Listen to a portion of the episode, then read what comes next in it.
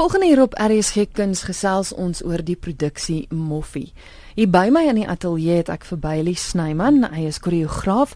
Ons het heel gereeld al gesels, ek dink 'n vorige keer het ons oor Anna K gesels. Ja, dis reg. En dan telefonies het ek vir Andrei Kaal van der Merwe op die lyn. Hy is die skrywer natuurlik van Moffie. Baie welkom julle twee.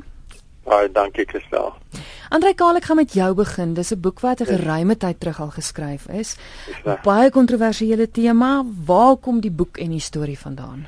Ehm um, Christel, ek het ehm um, toe ek deur die ehm um, ehm um, army daar ehm um, dit is van 'n ehm um, manier ontwikkel om om so van te cope met wat ek deurgaan het ek uh, dagboekies gehou um gedurende daai tyd by tussen 1980 um, 81 en ek was uh, op die grens gewees en ons het saam met Koevoet gewerk en so en dit was vir my heeltemal 'n mind-blowing ondervinding en en baie baie hard.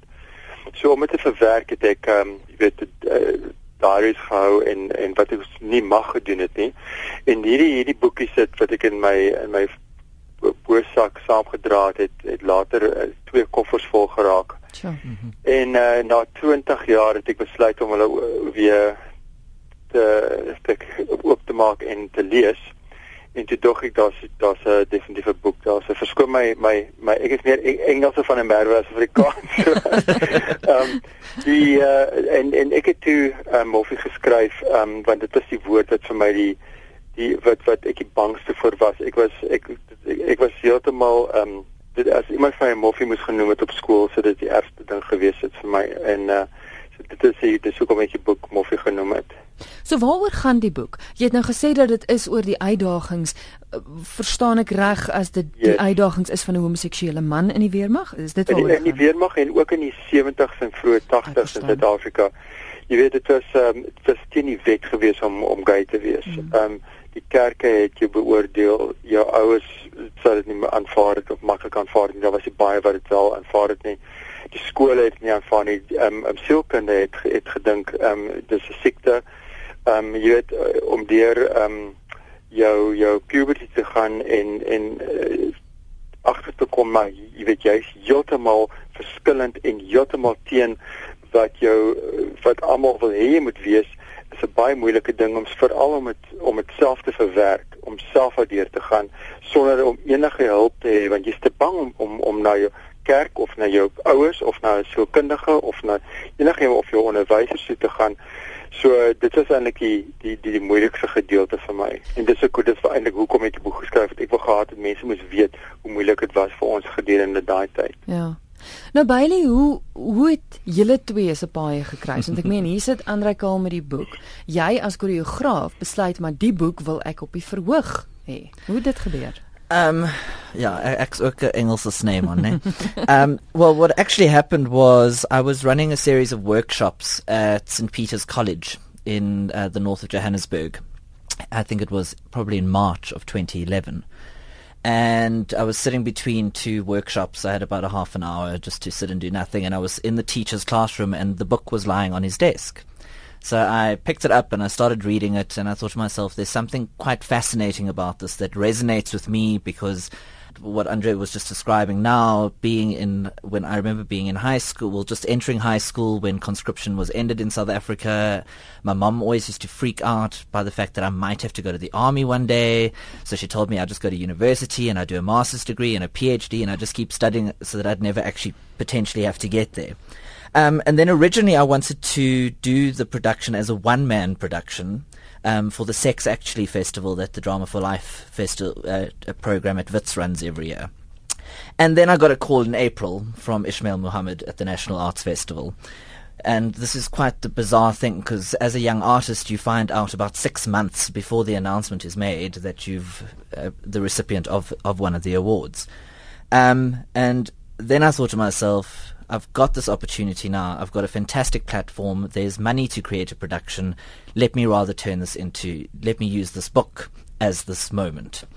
Um, and then I just went onto the internet and I found Andre Kolfanamerva's email address and I sent him an email and explained to him that there was potential for the work to be turned into a dance production. I couldn't tell him what it was for. I wasn't allowed yeah, to yeah. contractually. And graciously he agreed. He said, It sounds fantastic. I told him a little bit about myself, the kind of work I'd done before. And he was, he completely hopped on board.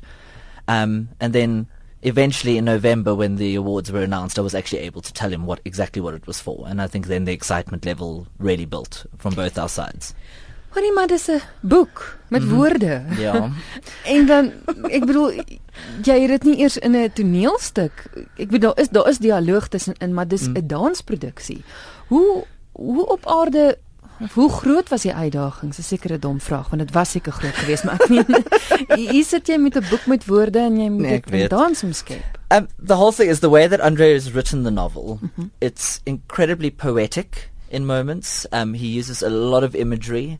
So it really does lend itself to a movement inspiration in a way because he, he gives the reader so many images to deal with, so much poetry, which is, in a sense, the way I like to think of poetry is that it is the movement of words. Mm. So it really does give you a sense of that. Um, and it is always something that I have done a lot of. I have drawn on a lot of novels and, and pre-existing texts in order to respond to and to make a work. But I mean, this was exceptionally challenging because Andre writes the novel um, over d- different time periods. It goes from being written in first person to third person narrative to poetry.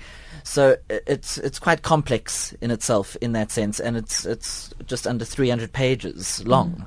Um, and yeah, I've got to make a one hour long dance production out of this. So eventually, after conversations with Andre and and uh, to come to a question that you, you probably want to get to is to how much we collaborated on this. And Andre actually said to me in one of our first meetings that he he didn't want to get involved. He wanted to see how I would interpret dis. Ek, ek het geen idee ja. gehad hoe hy dit sou doen nie. Mm -hmm. Dit was net dit was in en te kom moet jy weet ek die ouetjie weet wat hy doen, jy weet. Hy is hy, hy het baie talent en en uh, en en daar was geen manier wat ek dit het vir my 300 mm. isplasse gevat om hierdie storie te vertel. Um, hoe om dit uh, korter te maak en in mm. en 'n dansproduksie, ek het geen idee gehad nie. En ek het hom gesê, jy weet, go for it, jy weet, ek mm -hmm. ek, ek, ek vertrou jou. en dit was uh, dit was ek dink ek sou miskien dit miskien 'n bietjie belemmer het as ek eh, ehm um, my in, uh, input gegee het want ek ek weet net te min van van ja, dans af. Ja. Is jy gelukkig met die eindproduk gewees? Ongelooflik gelukkig. Dit was dit was een van die mees opwindende dinge om te daar te sit in in Gramstad en ek gehoor en uh, en en en geen idee te hê hoe hoe baie dit geïnterpreteer het nie. Hmm. Ehm um, en dit was dit was dit was beautiful regtig. En dis dis jy weet hy hy was nooit in die in die army gewees. So hy het dit heeltemal vars nuut modern geïnterpreteer. En en eintlik uh, dit die die die boek gaan oor hoe moeilik dit was om om gay te wees en al die prejudices en so aan. En dit is waaroor sy dansproduksie gaan maar in 'n baie meer kontemporêre ehm um, vars uh manier vertel. Mm. Ehm um, Jy, jy het gesê dat dit in daai tye in die 70s uiters moeilik was en, en dit was ek meen dit was toe taboe geweest. Dis nie meer yes. heeltemal vandag so nie. So so is dit nog relevant? Is dit is dit nog dinge waarmee mense my ehm um, Christel? Eh, vir enige ja, vir jou spesifiek omdat jy dit geskryf het. Ek dink dit is ongelooflik relevant. Jy weet ons bly in Kaapstad en, en ek bly in Kaapstad en hieso is dit baie maklik om gay te wees, maar ons moet onthou dat kyk wat nou in Rusland gebeur, kyk wat in die res van mhm. Afrika gebeur. Um kyk wat uh, in in soveel lande nog gebeur. Um en en hoeveel ignorance and prejudice daar is. Um teenoor teenoor uh, mense wat wat wat van van hulle eie um seks hou, jy weet en wat vir niemand seermaak nie, wat niemand um um wat niks verkeerd doen nie, maar maar net omdat hulle so so gebore is. So ek dink dit is dit is so 'n belangrike um uh, onderwerp en dit is so belangrik dat mense dit nie net aanvaar dat dit nou goed gaan en ons het 'n goeie konstitusie nie dat dit nie die dat laat laat ons moet ons is ons is aktivis ons moet beklei vir die regte van ander mense wat nie so gelukkig is as ons wat in ons land bly nie Ek gesels met Andre Kaal van der Merwe, hy skrywer van die boek Moffie en ook die koreograaf Bailey Snyman wat die boek in 'n dansproduksie omskep het. Bailey, dit was vir toe jy die jong kunstenaar Standardbank jong ja. kunstenaar ja. in 2012 was, was die produksie die eerste keer te sien mm -hmm. gewees. Julle gaan dit nou weer doen. Gaan dinge bietjie verander? Gaan dit anders gedoen word? I think that's always the challenge. I mean, as Andre was just saying now, in terms of relevance because that's obviously the first thing mm -hmm. I thought because in 2011 when I found out about the award, that was the same year that America lifted their "Don't Ask, Don't Tell" policy. Um, so at that point, there were so many uh, connections and, and things that were relevant to the production. But as Andre just mentioned now, what's happening in Russia, um, and also I've been doing a lot of reading again um, with uh, regards to what's happening in America with the Republicans taking over um, very soon again, and a lot of stories coming out of that about them wanting to squash the legalization of gay marriage again, and you know, so th- I think it's a, a, constant issue that's that's um, with us. Um, I think it was done four years ago. We are all a little bit older now. I think it's also, especially for four of the dancers who are from the original, that three years is a long time for something mm. to brew in your head mm. and and emotively. So I think it's going to probably be a lot more grown up, a lot more sophisticated.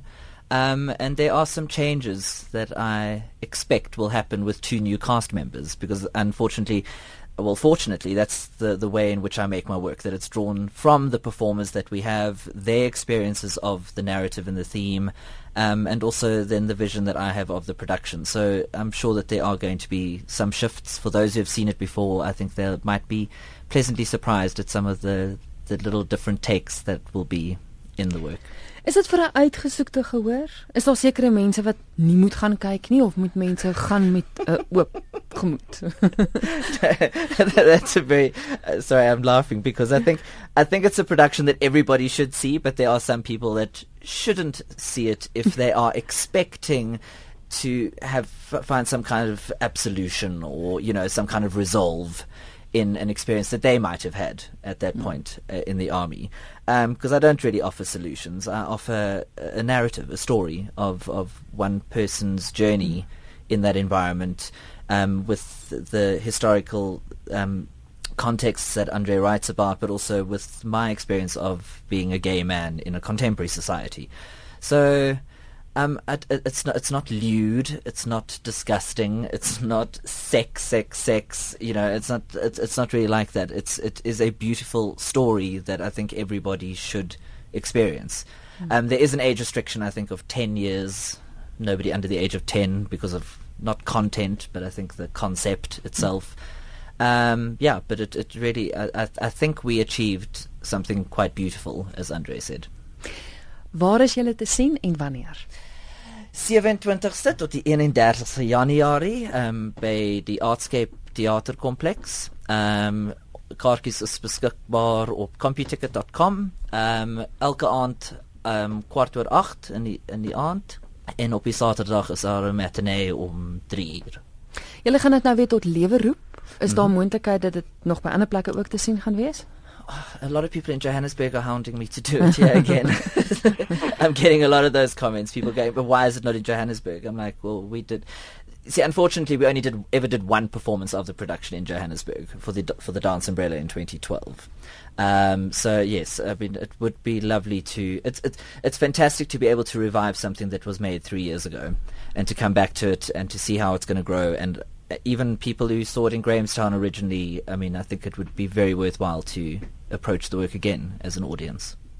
Baie baie dankie vir die kuier en Andre Kaal, dankie vir jou ook. Baie dankie vir jou groot plesier. Baie dankie.